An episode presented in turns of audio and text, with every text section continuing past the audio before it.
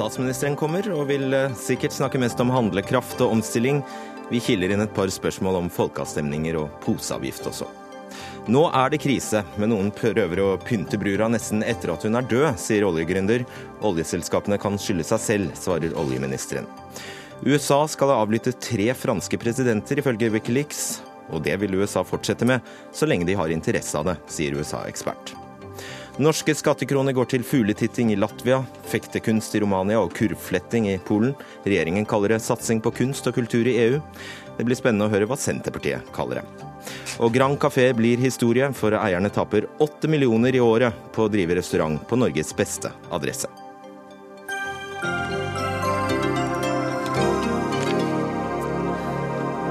Ja, Det er eh, onsdag den 24. juni, og i Dagsnytt 18-studio er Fredrik Solvang. Ikke et ord om poseavgiften, mulla Krekar eller miljøgifter i vakre fjorder, men ganske mye om omstilling og handlekraft. I dag holdt statsminister Erna Solberg sin halvårige pressekonferanse før sommeren, og nå er du her, fru statsminister. Velkommen. Takk. Du, aller først. Du kalte altså denne statusrapporten eh, 'min regjering' med en eh, såkalt hashtag eller en emneknagg eh, foran 'min regjering'. Hva var hensikten med det? Det er selvfølgelig fordi at dette er det regjeringen har levert, men det er også fordi at partiene våre sin regjering Altså det er ikke bare min regjering som statsminister, det er faktisk de velgerne som har stemt på oss, som også her i denne rapporten kan se at vi leverer på det vi sa i valgkampen. Vi leverer mer utbygging av vei og jernbane. Vi har nesten løftet bevilgningene med 30% Vi har fått vedtatt en stor reform på jernbane og en stort nytt veiselskap for å få raskere bygging i Stortinget denne våren. Vi har leverer på helsekøene. Vi leverer på bedre eldreomsorg. Vi, bygger, vi leverer faktisk bedre på Arbeiderpartiet sine valgkampløfter enn Arbeiderpartiet gjorde. Nå bygger vi flere sykehjemsplasser enn det den rød-grønne regjeringen klarte å gjøre når de satt. Så jeg mener jo at da er det alle velgerne våre som er en regjering som får det de faktisk ba om i valget. De får nye ideer og bedre løsninger. Og da skal du engasjere dem på Twitter?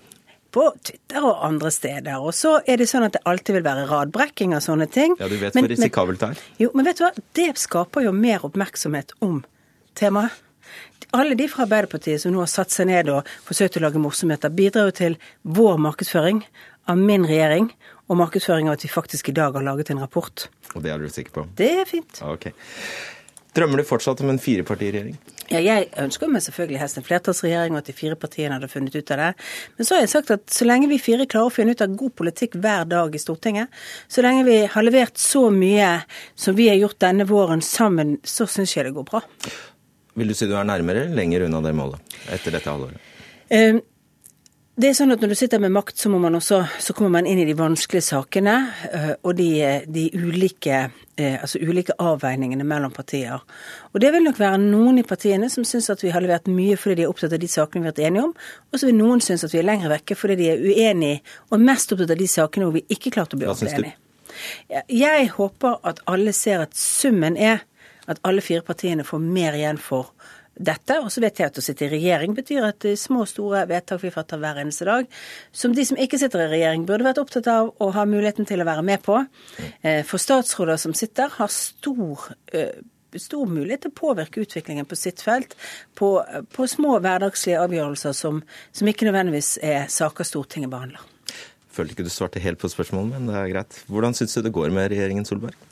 Jeg syns det går bra med resultatene våre. Så er det klart at vi er like frustrerte som alle regjeringer før oss har vært. At eh, det som går bra, det snakkes det lite om, og det som går dårlig, eller der hvor det er konflikt, snakkes det mer om. Det er på en måte de premissene det moderne mediesamfunnet og debatten fungerer på. Derfor bruker vi mye tid på å fortelle hva vi gjør på samferdsel, hva vi gjør på utdanning, hva vi gjør på helsekøene. Det faktum at vi leverer på rus med at eh, vi har senket betydelig antallet dager folk står i kø for behandling, og det er til og med før de største grepene våre er tatt i bruk, og, har, og før vi har kommet med den opptrappingsplanen på rusomsorgen som vi kommer med i løpet av høsten. Hva er du minst fornøyd med? Eh, jeg er jo minst fornøyd med de tingene vi ikke har fått eh, helt eh, gjennomført ennå. Og det minst fornøyde er selvfølgelig med den økonomiske utviklingen som Norge har for øyeblikket. Oljeprisfallet gjør at den omstillingen vi visste ville komme, den er kommet tøffere og raskere enn det vi hadde trodd den skulle komme når vi kom inn i regjering. Og du er ikke skremt av at den siste oversikten fra Poll Pols eh, viser at de fire samarbeidspartiene til sammen nå ligger på 45 Nei, og vi ligger jo faktisk fortsatt godt an i forhold til hvordan de rød-grønne gjorde på enkelte tidspunkt knyttet til dette. Vi, jeg vet at når vi lager mange reformer, mye endringer, så skaper vi også en del usikkerhet og litt mye støy. For det er mye prosessdiskusjoner. Gjør vi, gjør vi de de reformene på riktig måte? Er det nødvendig å gjøre det? Men så vet jo jeg at, skal, at disse reformene vil levere resultater etter hvert. Vi kunne vise hva vi får til. F.eks. det vi allerede nå kan vise på. Høyere tempo i vei- og jernbanebyggingen. Flere nye, nye, tiltak som settes i gang. At vi faktisk ser at på rusomsorgen er, er behandlingstiden gått ned, fordi vi faktisk bruker den kapasiteten som finnes. Vi har et annet forhold til å samarbeide med private for å hjelpe de som er svakest i vårt samfunn. Litt om økonomi. Du snakker mye om omstilling, men NHOs eh, kvartalsvise økonomibarometer viser jo at eh, det er dobbelt så mange bedrifter som svarer at eh, de planlegger å kutte investeringene, som det er bedrifter som planlegger å øke investeringene. Det må jo bety at du gjør noe galt? Nei, det betyr at vi har en større motbakke i oljeprisutviklingen, og at effektene av det som skjer i oljesektoren er større enn de positive effektene som skjer i de ikke-oljerelaterte næringene. Men omstillingen er i gang. Og hvis du vekk, hvis du ser på Fastlands-Norge, så var SSB sin prognose at investeringene i Fastlands-Norge ville ta seg opp neste år, og allerede var antydet å begynne. Men det, utfordringen er jo at tilbakeslaget i oljeøkonomien er større enn det vi antok eh, for et år siden. Eh, og ikke minst, men, men det, er jo, en, det, er en, det er jo en, egentlig en endring vi visste ville komme på et tidspunkt. For dette er jo en av de tingene vi utfordret den forrige regjeringen på ofte, at vi var for dårlige på å diversifisere, altså skape flere ben å stå på for norsk økonomi. Vi skal snakke mer om oljeøkonomien eh, i neste bolk. Men i en situasjon der altså de fleste bedriftene her i landet nyter godt av eh, svak kronekurs og, og bedre tilgang på kompetent arbeidskraft, så skjer altså dette. Altså denne pessimismen. Eh, ja, men den er, hvis du går inn i tallene, så er den først og fremst eh, knyttet til eh, nedgangen i oljesektoren. Og Det er viktig å huske at veldig mange arbeidsplasser i Norge var indirekte knyttet til oljesektoren. Det er ikke bare leverandørindustrien og oljeindustrien. Det er mange servicenæringer på Vestlandet og på Sørlandet. Men så hvis du ser på utviklingen i Nord-Norge, ja, så er det faktisk både optimisme, det er nedgang i arbeidsledigheten. Hvis du ser på Innlandet, som har slitt i skyggen av oljevirksomheten, ja, så er det mye mer positive tegn. Oslo går det også faktisk bedre. Så bildet er veldig forskjellig. Og det jeg også sa på pressekonferansen i dag, som jeg mener er viktig at alle tenker over, det er at eh, vi må ikke overdrive. Det er en smertefull opplevelse for de områdene og de menneskene som nå opplever at jobben eh, forsvinner og at de må finne en annen jobb. Men vi må ikke overdrive den pessimismen for resten av landet og for alt som skjer. For da vil vi skape større arbeidsledighet. For da vil folk slutte å bruke penger. Da går det troll i ord eller en selvoppfyllende profeti, mm. som jeg sa at jeg lærte når jeg studerte sosiologi en gang, at det var ganske farlig. Hva gjør det med arbeidstroen i regjeringen at uh, du lar en diskusjon om hvem som er tante Pose pågå et halvt år før det til slutt ender med at det ikke blir noen poseavgift? Eh, det viktige var jo, at, uh, var jo faktisk at det Stortinget vedtok, ble, ble, ordentlig utredet. Det ble en høring, og så fant vi ut at det var et dårlig forslag. Og så fremmet vi et annet forslag om hvordan vi skulle dekke inn utgiftene Men det er sånt som skaper støy? Det skaper støy eh, og skaper diskusjoner. Det var helt unødvendig, da, for alle fire partiene hadde undertegnet den samme avtalen eh, knyttet til dette. Og jeg har ikke noe problem med å si at Høyre har hatt dette i sine budsjetter før. Det har nesten har alle andre enn Frp hatt av de partiene. Men, men, med en gjennomgang av hva dette betyr, og kostnadene kanskje ved å innføre det, så valgte vi altså å finne en annen inndekning enn det partiene på Stortinget gjorde. Men så har jeg lyst til å si at eh, det er jo en utfordring at vi snart vi har et EU-direktiv som snart skal gjennomføres, hvor vi faktisk ja. skal få ned posebruken i vårt samfunn. Så vi kommer nok tilbake til posediskusjoner på en annen måte. Ja. vi skal høre et kutt med deg fra Politisk kvarter i morges. Hva tenker du om at Frp fra talerstolen på Stortinget sier at samarbeidsavtalen er brutt? Jeg tenker at det er bare to personer som kan definere det, og det er meg og Siv, og vi har ikke gjort det. Og det vi snakker om her, er altså Syria-flyktningene. Frp påsto at eh, de andre partiene hadde brutt samarbeidsavtalen på eh, dette punktet. Ikke veldig demokratisk. Det er bare to personer i hele landet som kan avgjøre om en avtale er brutt. Altså Avtalen mellom Høyre og Frp er det jo partiledelsen som har ansvaret for å forvalte. Det er ikke noe vi har lagt ut på anbud til alle. Det har vi vært veldig tydelige på. For det at, eh, Men dette er snakk om samarbeidsavtalen? Vi, ja, og den store samarbeidsavtalen, der står det altså i den at vi skal, skal ta imot kvoteflyktninger. Og det står at vi kan ta imot flere kvoteflyktninger hvis det går bedre med antallet asylanter altså, som kommer. Det er ikke Eh, så det, det syns jeg ikke det er mulig å si at det er et brudd på avtalen på, eh, på den samarbeidsavtalen som vi har knyttet til det spørsmålet. Så har jeg også understreket at Høyre og Frp var i utgangspunktet helt enige om at det beste ville vært å bruke mer av pengene, og derfor foreslo vi det også i revidert nasjonalbudsjett, i nærområdene for å hjelpe flere. Eh, og, men vi hadde en litt ulik eh, strategisk tankegang når det gjelder spørsmålet var det viktig for oss å få et bedre gjennomførbart opplegg ved å behandle med de partiene som hadde et flertall og som hadde sagt de ville ta 10 000. Det syns Høyres stortingsgruppe at var riktig. Det gjør det enklere for kommunene, det gjør det enklere for oss å legge opp et budsjett for neste år. Og det syns Frp helt til eh, et visst punkt også. Til slutt, hvordan går det med arbeidet med å få mulla Krekar til Kyrksæterøra? Altså, Det var et vedtak som var fattet av politiet, ikke av regjeringen. At, de, at mulla Krekar skulle til gjøre. Men hvordan går det? Eh, på øyeblikket er han varetektsfengslet i, lov, eh, i, i, i, den tråden det er med, med at det, lov, altså det, er retten som bestemmer, det er domstolene som bestemmer dette spørsmålet. Det er et politispørsmål. Og for øyeblikket er det jo ikke noe behov for å bruke de andre fullmaktene man har til å pålegge plassering som politiet kan gjøre. Rett og slett fordi at eh, han sitter nå i fengsel under en etterforskning av om de uttalelsene han har gitt til media, også er oppfattet som trusler. Hvor skal du på ferie? Hvor? Eh, jeg skal til utlandet, og det er, det er uspesifikt som jeg sier det av sikkerhetsmessige grunner. Og så skal jeg litt på Vestlandet, eh, som jeg pleier å gjøre. God tur, og god sommer. Takk, Takk. skal du ha, Erna Solberg. Lars Nehru Sand, du er vår politiske kommentator. Ja, hvordan burde statsministeren ha oppsummert dette halvåret?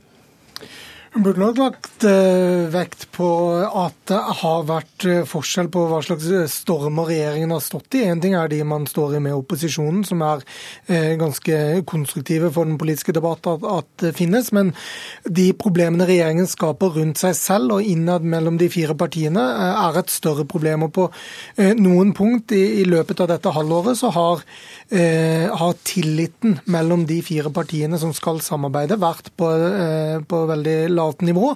Eh, og det er mer skadelig enn en bare normal politisk uenighet, når det blir et spørsmål om tillit og ikke bare om gjennomslag i saker. Vi hørte jo, Hun ville jo ikke svare helt på spørsmålet om hun står stå lenger eh, unna en firepartiregjering, men hva er svaret? At hun i hvert fall ikke står nærmere, og det, mange vil si at hun står lenger unna fordi at eh, nettopp fordi som jeg sier, tilliten mellom eh, kanskje spesielt Kristelig Folkeparti, Venstre og Frp er, eh, er eh, veldig lavt, og har vært lavt i, i, lengre tid. Eh, og det har vært personlige trefninger holdt på å si, mellom, mellom de fire partiene som har forsterka en sånn ting som ikke bare er sånn at såret er plastra i det øyeblikket en diskusjon er lagt død, men at det går, stikker dypere enn enn bare gjennomslag i saker. Så bare til de første spørsmålene om hvordan kunne oppsummert året, så kunne en også eh, nevnt at det har vært eh, kontrollhøringer mot eh, hennes statsråder i, i flere saker, eh, som, eh, som, man ikke bør ha for mye av som, som regjering. Og så har en sak gått både under det offentlige ordskiftet og, og pressens radar i, i, mange tilfeller, nemlig salget om, om eh, eller salget av Nigeria-båter, som er en Nettopp, mm. som er en alvorlig sak. Eh, kanskje mer enn en det har kommet frem, hvis, eh, hvis dette viser seg å være riktig, noe jo alt tyder på det nå. På pressekonferansen i dag beskyldte hun Arbeiderpartiet for bare å fremme prosesskritikk. Hva mener hun, hva mener hun med det? Jeg mener jo at eh, Arbeiderpartiet ikke i alle saker legger frem sine konkrete alternativer til hva de mener burde vært annerledes. Eh, og Av og til vil jo være svaret på det være at det skal være sånn som det er nå, men at Arbeiderpartiet ikke sier tydelig hva som er deres, eh, deres alternativ. Det er klart det er frustrerende for en politisk motstander når man ikke kan, kan Eller når Arbeiderpartiet kan skjule seg bak at partiet er en viss politisk utvikling frem mot et nytt partiprogram, så, så gjør det Arbeiderpartiet til en litt krevende motstander for, for Høyre, selvfølgelig. Samtidig selvfølgelig et privilegium de har som opposisjon? Ja, og med ny partileder og da på jakten på et nytt partiprogram. Mm. Når det gjelder eh, Arbeiderpartiets eh, rolle oppi dette her, det er jo to store saker der Arbeiderpartiet har skadeskutt regjeringen. Først eh, saken om asylbarna, der de altså stemmer for mistillit mot justisministeren. Og så saken om de 10 000 Syria-flyktningene, der de jo kunne ha rent regjeringen i senk, men velger å ikke gjøre det. Og så har vi spørsmål om iskanten i tillegg, der Arbeiderpartiet og Høyre jo egentlig er enige, men der Arbeiderpartiet ender med å stemme mot regjeringen. Hva er det Arbeiderpartiet vil? Jeg kan skjønne at det kan være vanskelig å, å, lese, fordi Arbeiderpartiet vil ikke for enhver pris ødelegge for regjeringen, eh, nettopp fordi eh, Arbeiderpartiet absolutt ikke vil bli sittende med noe regjeringsansvar på dette tidspunktet selv. Eh, så Det ligger jo hele tiden som et bakteppe. Og så, så er det klart at Arbeiderpartiet vet jo veldig godt at særlig asyl- og flyktningepolitikken er en veldig spesiell kile for, for, de fire partiene som nå samarbeider, kanskje mer enn noe annet politikkområde. Derfor så, så har jo asyl asylbarnsaken og Syria-saken det til felles at det er på det området hvor avstanden mellom Venstre og Frp kanskje er størst, kanskje større enn på miljøsaker. Eh, det er de to sakene som både har fått leve eh, som et resultat av måten eh, Solberg har valgt å styre dette på, men også de sakene som har vært vanskeligst å løse for Solberg som statsminister. Og til slutt, Vi får jo et inntrykk av at det går veldig fort i svingene her, og at reformene kommer på rekke og rad. Er det sant? Stemmer det? Ja, både og. Altså det, dette er regjeringens andre leveår. og Det, det er et viktig år en, i en fireårsperiode for en regjering. fordi at det første året går mer med til å utrede og, og, og gjøre en del ja, arbeid på kammerset. År to er det året hvor man virkelig må sette ut ting i livet for å eh, ha noen resultater å vise til i neste valgkamp. Så dette er et, et viktig kalenderår for, for regjeringen Solberg sitt, eh, sitt liv. og det er klart at Før en sånn sommer som er nå, så er det naturlig at regjeringen fremmer mange saker. Men det vi jo ikke vet om mange av disse store, viktige reformene, enten det er høyskole eller politi eller kommune eller sånn, det er jo resultatet og effekten av det. Og det, eh, Sånn sett så går det ikke fort i svingene i den forstand at vi, vi ikke kan sette to streker under svaret på hva den blå-blå regjeringen faktisk har fått til. Men det er riktig at man har fremmet mange politiske løsninger dette halvåret her. Men det er naturlig i den ja, delen av syklusen man er i nå, om du vil. Takk skal du ha, Lars Nehru Sand.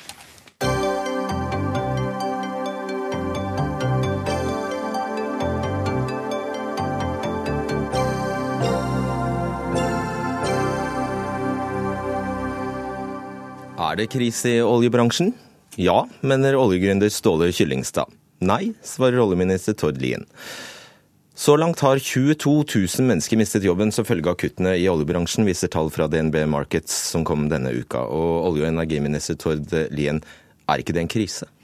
for de som uh, nå står i en situasjon hvor de enten uh, må lete etter ny jobb eller uh, står i fare for å måtte gå fra jobben sin, så er selvfølgelig dette en krise. Så er det sånn at deler av leverandørindustrien eh, og no, i noen regioner så er situasjonen mer krevende eh, enn andre steder. Men jeg opplever tvert imot en leverandørindustri sammen med oljeselskapene som nå snur hver eneste stein for nettopp å beholde konkurransekrafta, kompetansen, kvaliteten i det man gjør, som gjør at man kan eh, opprettholde olje- og gassproduksjon fra norsk sokkel og verdiskapninga og sysselsettinga i mange, mange tiår fremover. Konsernsjef eh, i IKM-gruppen, et av Norges største oljeserviceselskaper, Ståle Kyllingstad. Hvorfor tar eh, Tord Lien feil? Rett og slett fordi at så lenge det er flere av oss som må si opp opptil en tredjedel av de ansatte, så er det en krise. Soleklart så gjør vi alt vi kan for å ha en industri videre. Soleklart så kutter vi kostnader. Og det er helt rett at vi gjør en god innsats, hele næringen i lag med oljeselskapene, for å få ned kostnadene, for å kunne gjøre mer arbeid i Norge. Men det er og blir en krise. Du kan gå gjennom NRK og tenke at hver tredje person nedover her skal få sparken. Så er det en krise. Det føles som en krise, og det rammer veldig bredt. og det rammer veldig mange. For vår næring er vi bruker som er fly, vi bruker som er andre tjenester, eh, transport, logistikk. Så det rammer veldig mange. Og det er mange som lever av oljeindustrien. Så jeg må bare si, det er en krise. Jeg begriper ikke at folk tårer å si det ikke er en krise. Det ordet har vært misbrukt før. Det er nesten som i eventyret som han som roper ulv. Og Det var ikke krise. Det var en finanskrise i 2008-2009. Det var ingen oljekrise. Det var ingen, altså Næringen var ikke i krise da. Vi hadde problemer, ja, men ikke krise. Krisen kom i mai måned, for det varer så lenge. og er, akkurat nå er det ingen del av norsk oljeservicevirksomhet eller norsk oljevirksomhet som går bra. Det rammer skip, det rammer tankbåter, det rammer boring, det rammer brønn, nedhyrtjenester, vedlikehold, modifikasjon, feltutbygging, engineering. Men, men, men, hvis jeg tolker uh, Lien rett, så, så, mener jo han at det er ikke noen krise fordi kafeer i Oslo ikke er rammet ennå? Ja, det er den følelsen jeg også sitter igjen med. Da setter jeg det på spissen. Ja, ja. ja, jeg føler at oljeskyggen strekker seg litt langt, og nå har han truffet Trøndelag og Nord-Norge òg lite grann. For det, jeg, jeg fatter ikke at det, det, er, det, vil ramme hele Norge. Problemet er at det er nå det begynner. Krisen kom i, i mai. Men, men Ståle, altså for det første, så, jeg må jo si at Ståle Kyllingstad er en av de fremste og viktigste talsmennene for næringa. Eh, det Han har spilt en rolle i ordskiftet om olje- og gassindustrien i en årrekke. og på en måte At, at Ståle nå bruker anledninga til, til, å kalle Eh, fremstille denne fantastiske industrien vår som er død brud, det, det, det, reagerer jeg litt på. Så jeg har lyst til å si at dette, det, vi står i nå, det er global utfordring. Altså Offshoreaktiviteten på, på norsk sokkel og sokler i hele verden gikk opp mer eller, mer eller mindre sammenhengende fra 2001 til 2013, særlig de tre siste årene av den perioden.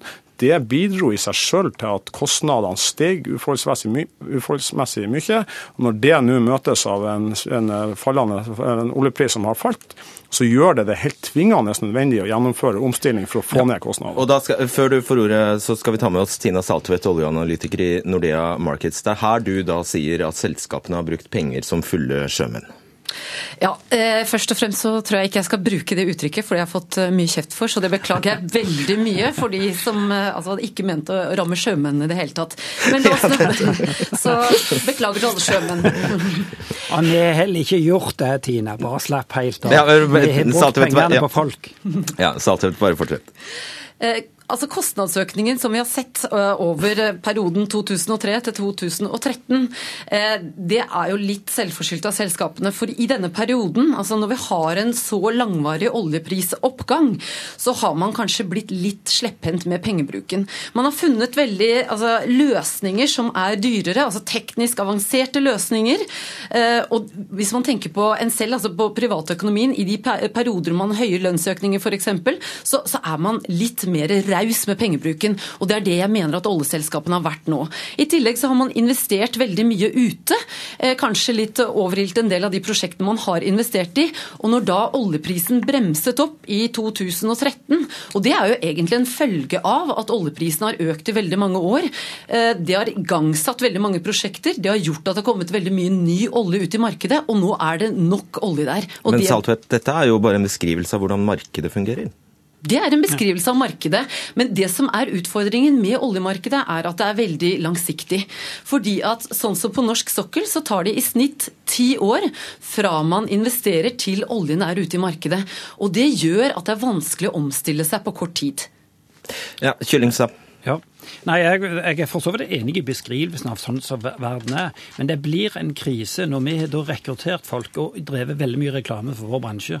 Og fått trukket mange folk til, til, næringen, og så stopper vi, kjører rett i veggen. Jeg er jo enig i at det har gjort for mange. Det har tatt for mye penger, òg fra f.eks. Statoil, og er brukt i, i, andre land. Så jeg ønsker jo egentlig litt mer en modiokonjunkturpolitikk.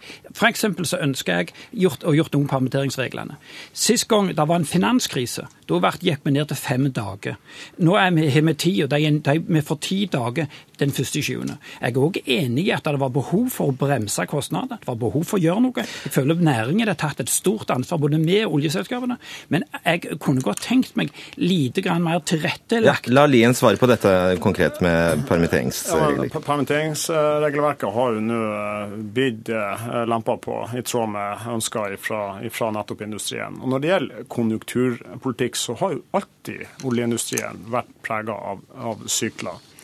Og Da mener jeg at det er industrien, leverandører og operatører sitt ansvar å håndtere konjunkturene. Og så er det myndighetene sin rolle å lage stabile og forutsigbare rammer som gjør det attraktivt også i fremtida å investere på norsk sokkel. Det, i tillegg til å stille nye arealer, nye attraktive arealer til rådighet for næringa, er noe av det viktigste myndighetene kan gjøre for å legge til rette for at vi kan være en stor energieksportør skape store verdier og sysselsette eh, hundretusenvis av mennesker i Norges største industri, også i generasjoner som ligger foran oss. Men da vil Kyllingstad innvende at eh, det har han i hvert fall gjort overfor VG, at eh, noe av årsaken her er at kostnadene, kostnadene har løpt løpsk pga. HMS-krav bl.a. du har innført. Ja, nå har vi brukt det. Ja, ikke Tord Liens innført, jeg. De kom lenge før Tord Lien. Stortinget, da. Denne, denne regjeringa som, som, som jeg nå representerer, har jo sagt at nettopp det at vi skal ha en full kost-nytte-analyse alle Eh, nye krav til eh, norsk sokkel, uansett hvilke type krav det er. Så har vi eh, i en kamp mot byråkratiet sett på hvor er det alt papir oppstår i oljeindustrien. Og jeg må jo innrømme at jeg trodde jo at det oppsto i skjæringspunktet mellom myndigheter og industri. Men det har vi jo funnet ut at det aller meste av, av, av byråkratiet oppstår jo mellom selskapene på norsk sokkel. Så der har jo Ståle Kyllingstad og operatørene på norsk sokkel en kjempejobb å gjøre for å få ned byråkratimengden ja, i industrien. Jeg, tror vi må nyansere akkurat den papirdiskusjonen bitte litt mer. For det første, det oppstår i, når oljeselskapene gjør det de kan for å tilrettelegge det de oppfatter som PT eller OED sine krav. Hvor misforståelsen oppstår, det klarer ikke jeg si. De virer for det til oss. Og vi får ikke jobb hvis vi ikke svarer på alle de spørsmålene, alle de papirene. Og hvis vi ikke dokumenterer med nok CV-er, med folk med nok kurs, og vi beviser alle ting vi gjør, alle ting vi skal levere, med en, en haug med krav. Vi strider imot så godt som vi kan. Men det er altså skjæringspunktet mellom de offentlige institusjonene og oljeselskapene. Det er mye av dette oppstanden. Så vi gjennomfører det også. Du hører kanskje selv at du høres litt sytete ut? Ja, akkurat det liker jeg ikke, for jeg er egentlig en naturoptimist av natur. Og det er jeg fremdeles. Men det er faktisk en stort problem. Og for oss som nå er i perioder der vi sier at mye folk, så blir du prega av det. Og ikke minst blir du prega av de folka som går ut. Derfor så syns jeg egentlig det er litt ufint ikke å kalle det krise, for det er krise for oss i næringen. Saltvedt, det store spørsmålet er jo om dette kan spre seg til resten av landet. Kan det det? Ja, det er klart at det kan det. Altså, Oljeindustrien har jo vært ledende bl.a. På, på lønnsdannelsen i Norge. Eh, fordi det har vært vanskelig å få tak i nok arbeidskraft, så har man vært nødt til å by opp lønningene. Og eh, det har også smittet over på resten av økonomien. Fordi at oljeindustrien faktisk kunne tilby gode lønninger.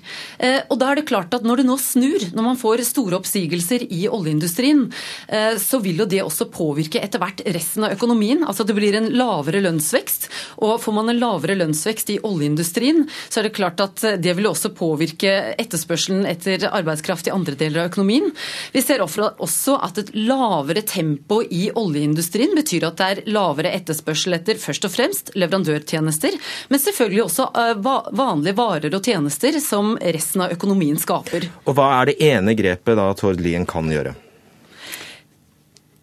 Eh, ja, altså Tord Lien, eller det um, altså, For det første, jeg tror det viktigste for myndighetene er som Tord Lien sier, at de må være langsiktige. Det kjedelige svaret. Det, jo, det er kjedelig, men, men, det som skal altså, sette fart i økonomien, er jo sentralbanken som prøver å gjøre noe med. Og det gjør de også med å sette ned renta for å stimulere til vekst.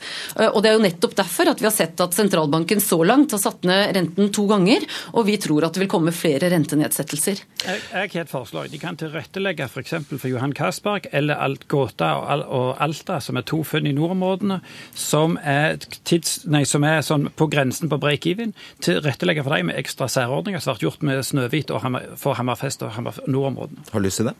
Nå vi, har vi allerede sagt at vi har gått i dialog med ESA om muligheten for å realisere Castberg med et landføringsanlegg eh, i nord. Eh, på, men så har jeg lyst til å si at det Tina Saltvedt peker på, er jo viktig. Altså, har, for det første så har vi jo allerede sett at aktørene Eh, i lønnsoppgjøret har tatt ansvar. Vi har fått et moderat lønnsoppgjør som styrker norsk konkurransekraft. Sammen med en, eh, en kronekurs som spiller på lag med betydelige deler av norsk industri, så har vi styrka norsk konkurransekraft. Noe som bl.a. har bidratt til at de store, viktige kontraktene på norgeshistoriens største industriprosjekt, Johan Sverdrup, har kommet til, til, Norge. Og en god del har gått til Asia. På Johan Sverdrup så er det aller der, men... meste Det er helt riktig at på slutten av den rød-grønne regjeringsperioden så var det fem store kontrakter som, på LAS som gikk ut av landet. 50 milliarder kroner. Takk skal dere ha, Ståle Kyllingstad, Tina Saltvedt og Tord Lien.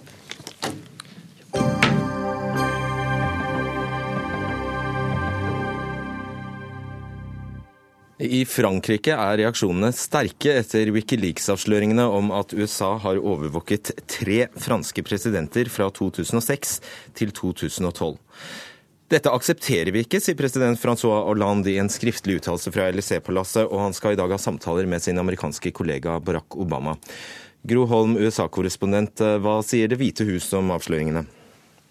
Ja, Det hvite hus har vært meget sparsomt med kommentarer så langt. En eh, talsmann for presidentens eh, nasjonale sikkerhetsråd, Ned Price, han eh, sendte i går kveld ut en erklæring der det står at president Hollands kommunikasjon ikke er noe mål, og ikke vil bli noe mål for USA.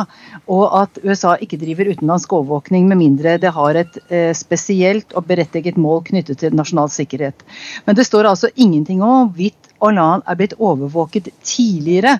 Eh, Dvs. Si like etter at han overtok i 2012. Og det er jo det tidspunktet Wikileaks-dokumentene omhandler. Ja, og hvis jeg har forstått det rett, så omhandler heller ikke uttalelsene fra Det hvite hus behendig nok de to tidligere presidentene Jacques Chirac og Nicolas Sarkozy? Nei, og det er påfallende. Og det kan jo da tolkes som en indirekte innrømmelse av at det er riktig, som de lekkede dokumentene indikerer, nemlig at overvåkning i alle fall har foregått i årene fra 2006 til 2012, eh, da både Chirac og Sarkozy var presidenter. Hva er det disse dokumentene da viser? Ja, det viser at eh, USA avlyttet samtaler som disse lederne hadde, bl.a. Eh, om forholdet, når det gjaldt forholdet mellom Hollands regjering og den tyske forbundskansleren Angela Merkel. Eh, Hollande skal også ha diskutert gjeldskrisen i Hellas og situasjonen for franske banker med tyske sosialdemokrater, uten at forbundskansler Merkel ble informert, og det er oppsiktsvekkende. Sarkozy skal på sin side har vurdert å ta initiativ til å gjenopprette fredsforhandlingene mellom Israel og palestinerne uten at USA eh, ble med, eller var med. Um, og eh, Sarkozy skal ha ment at USA taklet finanskrisen dårlig og var frustrert over amerikansk spionasje. og Dessuten så inneholder dokumentene telefonnumrene til en rekke folk i det franske presidentpalasset, inkludert mobilnummeret til presidenten. Hmm. Er det noen som helst grunn til å tro at amerikanerne har sluttet med dette? Ja, altså I 2013, etter at Edward Snowden hadde avslørt at Tysklands forbundskansler var avlyttet av USA, så kom president Obama med en ordre om å slutte å avlytte utenlandske ledere. Nå er det jo ikke da helt klart hva man mener med ledere. for Hvis det er bare statsoverhoder det er snakk om, så kan det nok være, og jeg tror det er sannsynlig, at statsoverhoder overhodet ikke lenger avlyttes, i hvert fall ikke deres mobiltelefoner. Men ledere lenger ned, regjeringsmedlemmer, rådgivere osv., de kan meget vel fortsatt være avlyttet. Du blir med oss videre, Groholm, men vi har med oss Hilmar Langhelle Mjelde, du er statsviter og seniorforsker ved Uni Research Stokkan-senteret, og du er med oss fra Minde i Bergen. Er det grunn til å tro at disse påstandene fra Wikileaks stemmer? Eh, altså, eh, Vi bør jo merke oss at i Washington, som det ble sagt der, eh, så vil jo en talsmann for Sikkerhetsrådet verken bekrefte eller dementere disse opplysningene. Og det framstår eh, som en innrømmelse. Eh, så må vi huske at eh, generelt så, så, er det i etterretningsvesenets natur å, å holde ting så hemmelig som mulig, for ikke å avsløre viktig informasjon til konkurrenter og motstandere. Eh, og vi skal òg huske at en amerikansk president eh, han kan med grunnloven i hånd eh, nekte for at han overvåker. For hans plikt som øverstkommanderende for de væpna styrkene det er å ivareta USAs ve og vel. Og hvis det da nødvendiggjør overvåkning av allierte, og å nekte for det etterpå, så åpner USAs grunnlov for det, altså. Og, så det, i bunn og grunn er dette lovlig? Altså, En amerikansk eh, president tolker Grunnloven eh, veldig vidt, for Grunnloven er veldig eh, rundt formulert. Eh, så presidenter mener at hvis det er i rikets sikkerhetsinteresse, så har han autoritet under Grunnloven til å eh, overvåke og for den saks skyld gått til krig i andre land uten Kongressens godkjenning. Holm fortalte jo litt om hva amerikanerne da kunne ha fått vite her. Men hva har amerikanerne egentlig å tjene på å overvåke eller avlytte en alliert som Frankrike? Altså, USA er et uh, spesielt land i verden som eneste supermakt. De har et enormt behov for uh, informasjon politisk, militært, økonomisk. Altså informasjon om hva både allierte og motstandere driver på med. da. Og En vet jo ikke alltid hva en får inn her, så USA kaster ut et garn, og så ser de nå hva som kommer inn igjen. Og eh, ja, for eksempel, altså Selv om USA og Frankrike er nære allierte, eh, så er de òg konkurrenter, skal vi huske på. Eh, F.eks. når det gjelder markedstilgang og internasjonal handel. Og nå Gro Holm får sikkert, hvis dette skulle vise seg å stemme, får sikkert USA kjeft i bøtter og spann, men hva skjer? Skjer det noe? Ja, nei, jeg tror sånne, sånne, ting har en tendens til å legge seg og, og bli feid under teppet om en stund, det, en, etter en stund. og det, Noe av grunnen er jo det, og det hevder jo amerikanerne hele tiden, at alle driver med dette her. Nå benekter jo da franskmennene at de faktisk driver avlytting av andre staters ledere. Eh, men at franskmennene er blitt tatt med buksa nede, så å si, og avlyttet De har jo avlyttet både USA og, eh, og Tyskland. Eh, Riktignok er det og det vi vet om det er en stund siden, men eh, alle regner med at franskmennene også gjør det. Og En tidligere fransk etterretningssjef sier jo i dag at man har jo visst i mange år at USA har hatt avlyttingsutstyr på toppen av sin ambassade i Paris, som ligger like ved presidentpalasset, og har drevet avlytting derfra i hvert fall i en fire års tid. Eh, men det er altså når slike ting blir kjent og blir offentlig, og særlig da når statsoverhodet er eh, overvåket, da er det så ydmykende at man må eh, si noe offentlig. Så i bunn og grunn så risikerer de ingenting, USA? Nei, det er jo lite noen kan gjøre med eh, verdens eh, mektigste supermakt. Uh, så USA kan velge å legge restriksjoner på seg selv.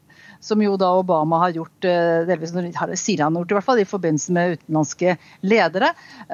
USA har jo også eh, man har jo også begrenset eh, masseinnsamlingen av telefondata om landets egne borgere, slik at det skal ikke lenger drives av etterretningsorganisasjonen NSA, men skal drives av teleselskapene, og trengs domsavgjørelse for at NSA skal få adgang til disse osv.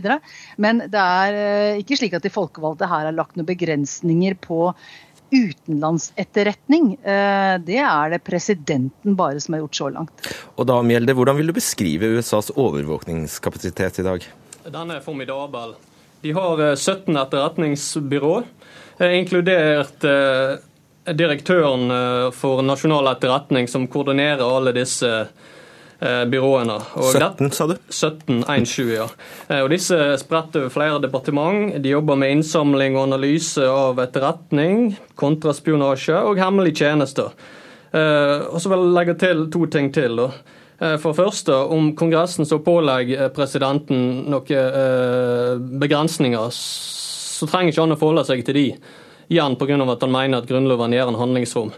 Og eh, sånn internasjonalt, et poeng som er viktig òg her, det er at mange europeiske land syns jo det er greit at USA har denne formidable etterretningskapasiteten.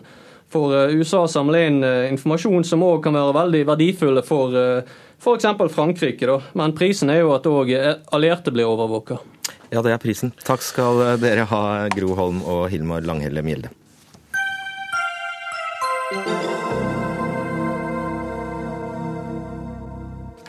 I Øst-Europa kjenner folk i den minste landsby gjerne til Norge som en sjenerøs giver. Gjennom EØS gir vi nemlig penger til fattigdomsbekjempelse og sosial utjevning, medisinsk utstyr og infrastruktur. Men vi gir også millionbeløp til Gjøkens dag i Romania og til kurvfletting i Polen. Til sammen koster adgangen til EUs indre marked Norge 3 milliarder kroner, som skal gå til de 16 fattigste landene i EU.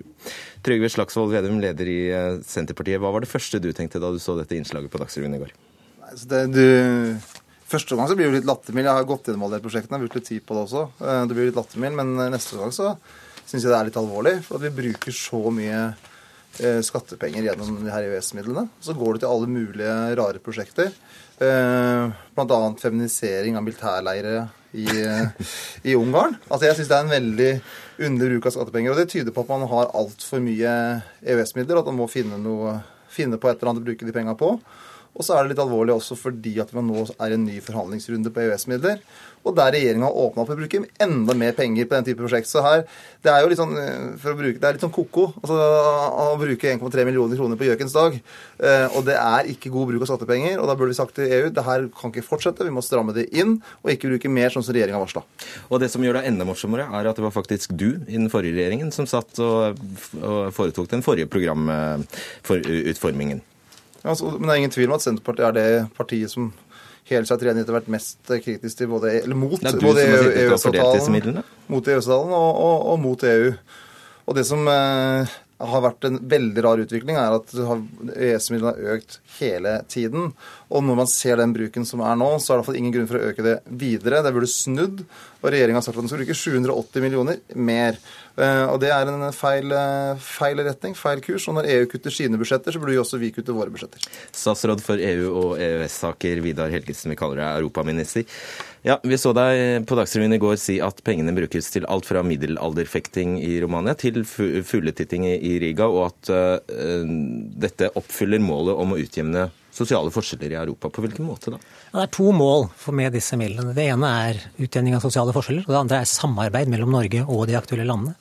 Og Det betyr at uh, innenfor uh, disse prosjektene, særlig på kulturområdet, så er det mye kultursamarbeid mellom norske kulturaktører og f.eks. kulturaktører i Romania. Så er det helt åpenbart at mange av disse prosjektene er ganske smale. Men bare helt og, konkret til det, Får vi noe utbytte av at det flettes kurver for norske penger i Polen? Nei, den kurvflettingen eh, vet jeg faktisk ikke om det er noen norske aktører involvert i. Fektingen på den rumenske borgen er det norske aktører involvert i.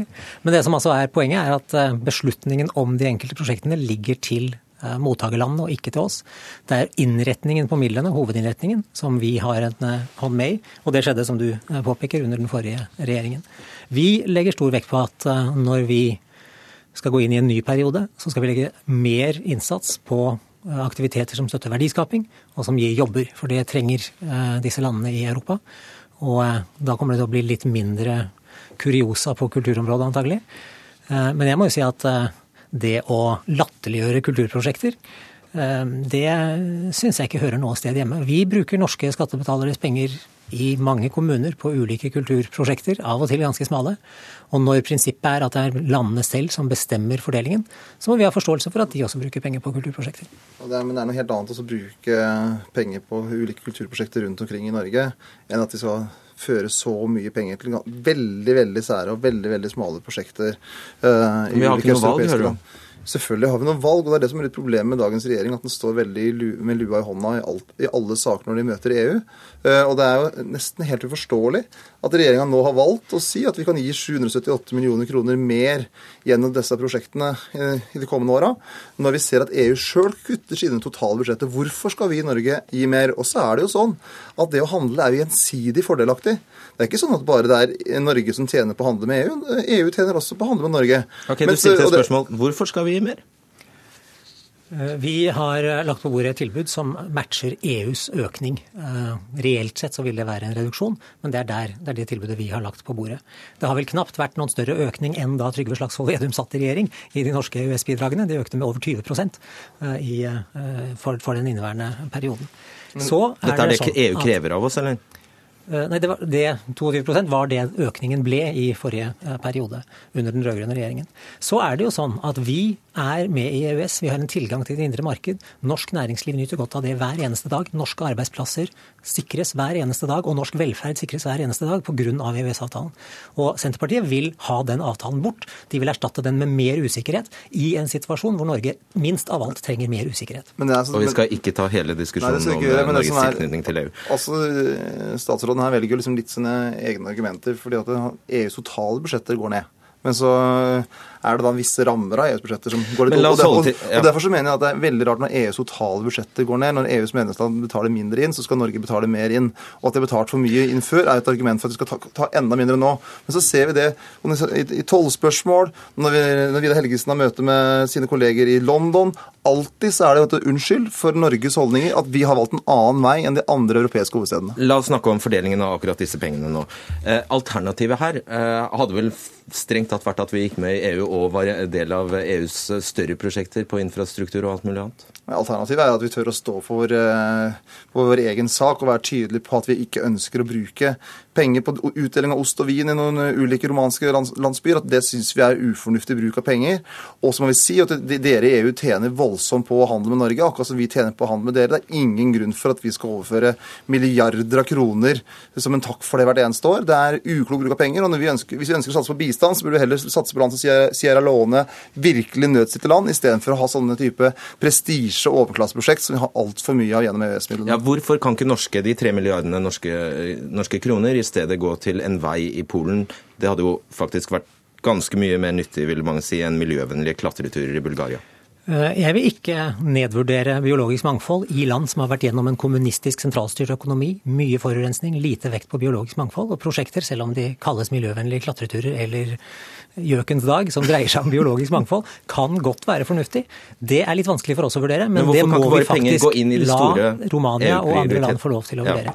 Vi eh, EUs store strukturmidler går jo til veiutbygging. Og Det er noe av poenget med disse midlene. Våre midler går ikke til EU, de går fra Norge til disse landene.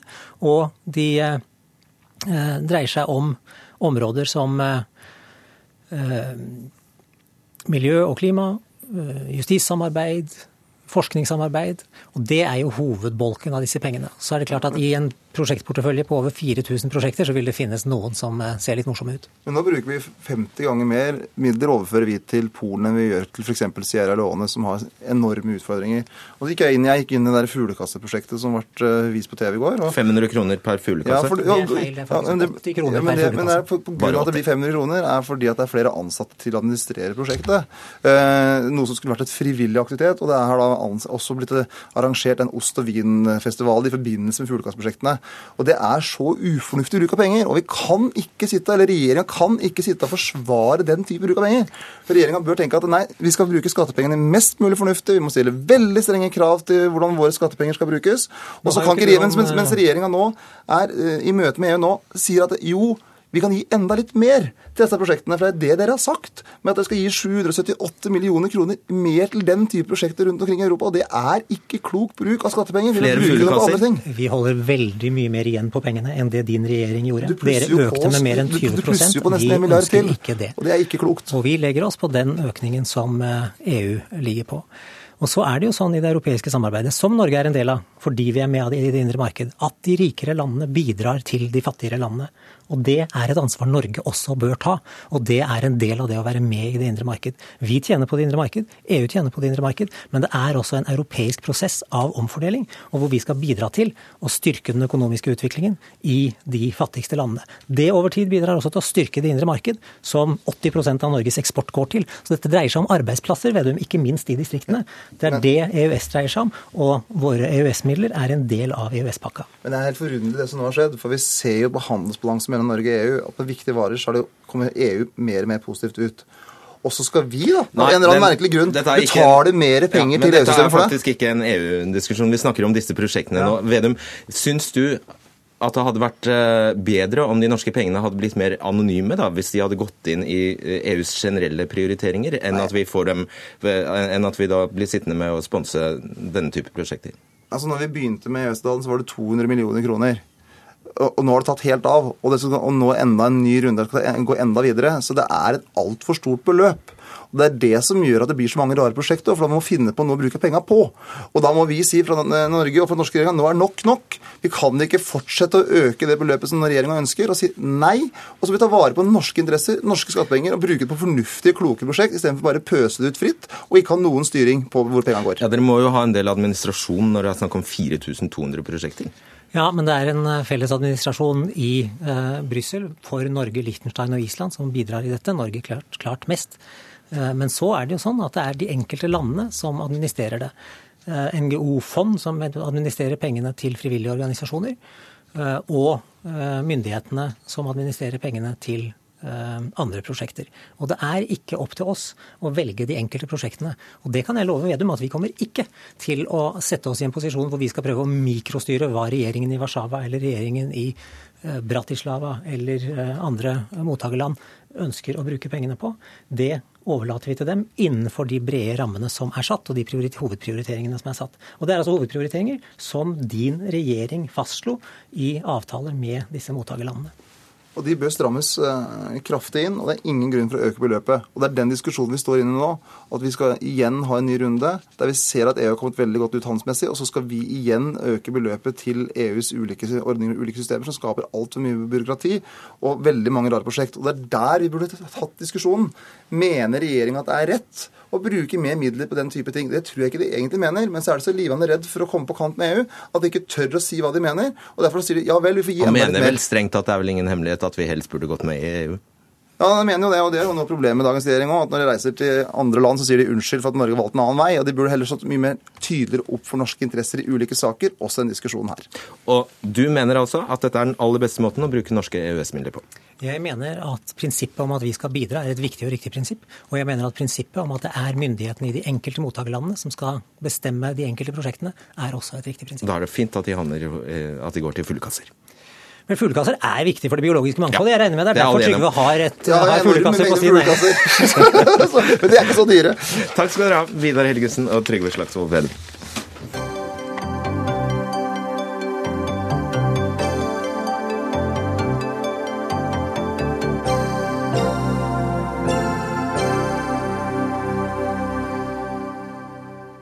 Ja, Nå skal vi snakke om Grand Café, og vi skal høre Per Aabel og redaktør Carl Just i et program fra 1968. Opprinnelig må man gå opp en trapp for å komme inn i kafeen. Av folk som følte seg selv uangripelige, kaltes denne trappen Fortapelsens trapp. Men det var i 80-årene, da alt var annerledes enn det er i dag.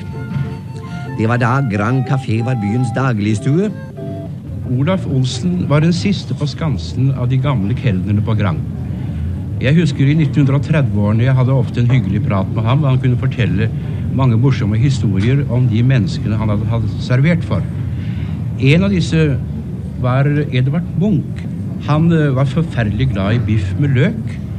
Og han hadde en avtale med kelner Olsen at han eh, skulle få så og så mange biffer for et eller annet bilde som Munch hadde malt. Og disse 80-årene det er snakk om, er selvfølgelig 1880-årene. Men etter 141 år er det altså nå slutt for restauranten som var stamstedet til Christiania-bohemen, Henrik Ibsen og Edvard Munch blant andre. Og Mange vil jo spørre seg hvordan det er mulig å tape 8 millioner i året på å drive kafé i et av landets beste lokaler, men sånn er det, slår eierne Pandox fast. Og Debatten går allerede om hva som nå skal fylle lokalene. Takeaway-restaurant, en kebabsjappe eller Gina Tricot eller kanskje en bankfilial. Kunsthistoriker Tommy Sørbø, hva er så spesielt med Grand Café? Eh, det som er spesielt med Grand Café, er jo at det er eh, utgangspunktet nesten for en hel eh, mentalitet. En måte å tenke på, være i verden på. Bohemen, kunstnerne på Christian Krogh Oda Lasson, Fritz Taulov og selvfølgelig, som vi hørte, Edvard Munch, og for så vidt også Henrik Ibsen, hadde jo sitt tilholdssted der. Og det å komme dit, diskutere, lese aviser, tidsskrifter, møte andre kunstnere, var, og, og også selvfølgelig vise seg fram. Ny mote fra Paris, eksponere seg, være narsissister, sånn som er blitt fullstendig demokratisert i dag. Alt dette begynner der i Grand Café for, på 18, slutten av 1870-tallet, da den ble etablert. Så det var noe helt nytt? Det var, eh, Etter norske forhold så var det noe helt nytt. Det var liksom en duft av den store verden. Komme litt opp i hjørnet eh, til lille Kristiania. Restaurantkritiker André Blomberg Nygaard, eh, du skriver i VG sammen med Erik Fossnes Hansen. Hva tror du er årsaken til at Pandax, som nå altså eier Grang, stenger? Nei, jeg tror eh, det er nok reelt at de har tapt penger på det. Og så er det nok litt et, eh, et spørsmål om hvor de pengene er tapt osv. Her sitter de på både bukken og havresekken, de er huseier selv. Eh, sånn at hvor mye av disse åtte millionene er husleie osv. Men det største problemet er jo at det ikke lenger er nytt. Snart tvert imot det er gammelt. Det er snart 100 år siden det skjedde noe interessant der inne. Kulinarisk eller matmessig så har det ikke vært noe Det har ikke vært noe ledestjerne på, på veldig veldig lang tid. Hvordan vil du f.eks. si uh, forskjellen mellom Theatercaféen og grange? her?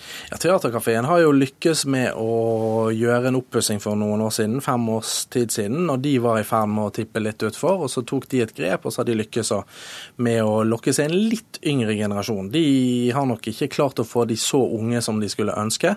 For begge disse stedene har jo typisk veldig lite av dette med å vise seg frem, som, som blir nevnt her. Eh, I dag er jo det Instagram, Twitter, alle sånne ting som er viktig for å drive restaurant i dag, og det har de jo ikke holdt på med. Altså, Forhåpentligvis så får vi nok ikke noe klesbutikk eller eh, så Fabian Stang eh, håpte det ble damestrømpebutikk der. Det blir nok sannsynligvis en ny restaurant. Jeg innbiller meg, meg at de her på en måte forsøker å sette et punktum for å slippe noe diskusjon på det som blir videre. Jeg mistenker at her også er noen eh, prosentlønnede servitører som man gjerne vil bli kvitt eh, ved å, gå over i noe annet. Så nå setter vi liksom For de har hatt litt salt i grøten, bare for å ta det kjapt. De har hatt litt salt i grøten. De tror jeg har klart seg, ja. Hva vil det si? Nei, det vet jeg ikke hvor, hvor, mye det har å si. Men det er jo en, på en måte en bevegelse som har holdt på i 20 år, hvor man har forsøkt å bli kvitt det. Nettopp. Um, per Krogs bilde av kafeen eh, med Christiane Bohemen uh, og Ibsen preger den ene veggen på, uh, på Grang. Hvilken spil rolle spilte Grang for Bohemen? Nei, det var, det var nervesenteret. Det var liksom der man møttes og diskuterte. og Jeg syns også det bildet som er fra 1926, eller 28 er det vel, altså det viser jo at det er nesten 100 år gammel, den dyrkingen av denne, disse 10-15-20 årene hvor alt skjedde. Eh, også, og man har jo forsøkt da i mange år å lage menyer som liksom er referanse til denne tida, og hva spiste Munch, og hva drakk Ibsen, osv., og, så videre, og alt dette. Så man lever jo veldig på fordums storhet. Eh, og det er klart, det er jo kanskje Det er mange som har det sånn. El Greco i Roma. Det, det, det fins masse sånne historier og legender og liksom knytta til dette her. Eh, men, og jeg tror også liksom dette på 80-90-tallet så var det jo mange som trodde, eller følte, eller mente at bohemen det var utgangspunktet utgangspunkt for den moderne hippiebevegelsen, 68-erne, eh, og at de prøvde liksom å si at her startet vi, alt det vi i dag representerer og står for. Så det ligger noen sånne ideologiske føringer i det som kanskje virker litt latterlige, særlig tatt i betraktning at veldig mange av disse kunstnerne som gikk her, de hadde jo stinn med gryn i forhold til vanlige folk. Mm. Så det var jo en livsform som var veldig nesten aristokratisk i forhold til arbeidere og kelnere og pikkoloer og vanlige arbeidsfolk. Hvem er det som frekventerer Grang i dag? Nei, tydeligvis ikke nok.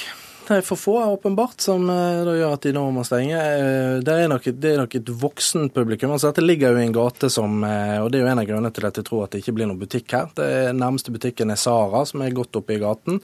Og så er det Paleet, som også er på andre siden av alle de andre restaurantene. Her ligger det restauranter på rekke og rad, og det eldste publikummet sitter på Grand. Og så blir de på en måte progressivt yngre da ned til TJ Fridays, og så har vi da Egon der. Men det er et stort lokale, så det er spennende å se hvem som vil ta ta på seg det. Det kan jo ikke bli noe som du sier, kebabsjappe. Det ville jo blitt verdens største kebabsjappe. Um, hvordan har Grang plassert seg sånn, eh, sånn kulin rent kulinarisk? De har jo hatt noen eh, virkelig gode eh, matsteder underveis. Julius Fritzner var veldig bra. Så ble det stengt. Så gjorde man en fornying av Palmen for en par år siden, som var matmessig veldig vellykket. De gikk nok fryktelig i utakt med gjestene sine. Det satt fortsatt gamle damer med blått hår der eh, og spiste nynordisk mat, og ønsket seg tilbake igjen til eh, høye smørbrød med reker. Det har de nå fått, for nå har de gått bort ifra det igjen og er tilbake igjen til en mer klassisk tilnærming på Palmen. Og så tror jeg at uh, vi får håpe at Pandox her har bestemt seg for at vi får inn noen som har greie på det å drive restaurant, som heller kan betale en ordentlig husleie. Og så får vi inn noen som virkelig kan det. Altså, uh, Ultvedt Moe har jo folk som driver med det, og er også i, representert i gaten allerede. Det er flere andre store som er representert i gaten, som er flinke på å få lønnsomhet ut av uh, gode folkelige restauranter. Mm. Og så hadde Ibsen Grang som en del av sitt daglige ritual. Han var nesten aldri inne blant de andre for å spise middag og den slags. Han hadde leseværelse, fordi dette var jo et hotell, et internasjonalt stort hotell med tidsskrift og bokhyller og et sted man kunne sitte litt mer tilbaketrukket. Og der satt doktor Ibsen fra 1891 og nesten helt fra opp til 1900 med hadde sine faste tidspunkt. hvor Han gikk opp på den berømmelige ruta på Karl Johan. Og hvor det kom turister fra hele verden for å se på den berømte doktor Ibsen. Han satt sånn med avisa, så så han litt opp bak for å se livet utspille seg, og kanskje ha litt øh, å skrive om. Og det var en god kafé den gangen, eller? Det tror jeg det var. Jeg skal, I hvert fall i forhold til det som var eh, menyen ellers, tror jeg. På vertshus og bodegaer og kafeer ellers, så var jo dette regna som en det, det, var, det var noe kontinentalt over, over Grang. Og det var jo, jeg må bare si berømt historie om Pjolteren. Var En, ja, ja, ja, PJ Holter. Han serverte Pjolter, og det er der navnet er. Kanskje. Ja. Vi får jo håpe at dette nå varsler en ny tid med nye, spennende ting i det lokale, og at vi kanskje får en samme storhetstid over 15 år. La oss håpe det. Takk skal dere ha. Ansvarlig for denne sendingen var Elisabeth Onsum. I teknikken satt Finn Lie, og i studio Fredrik Solvang.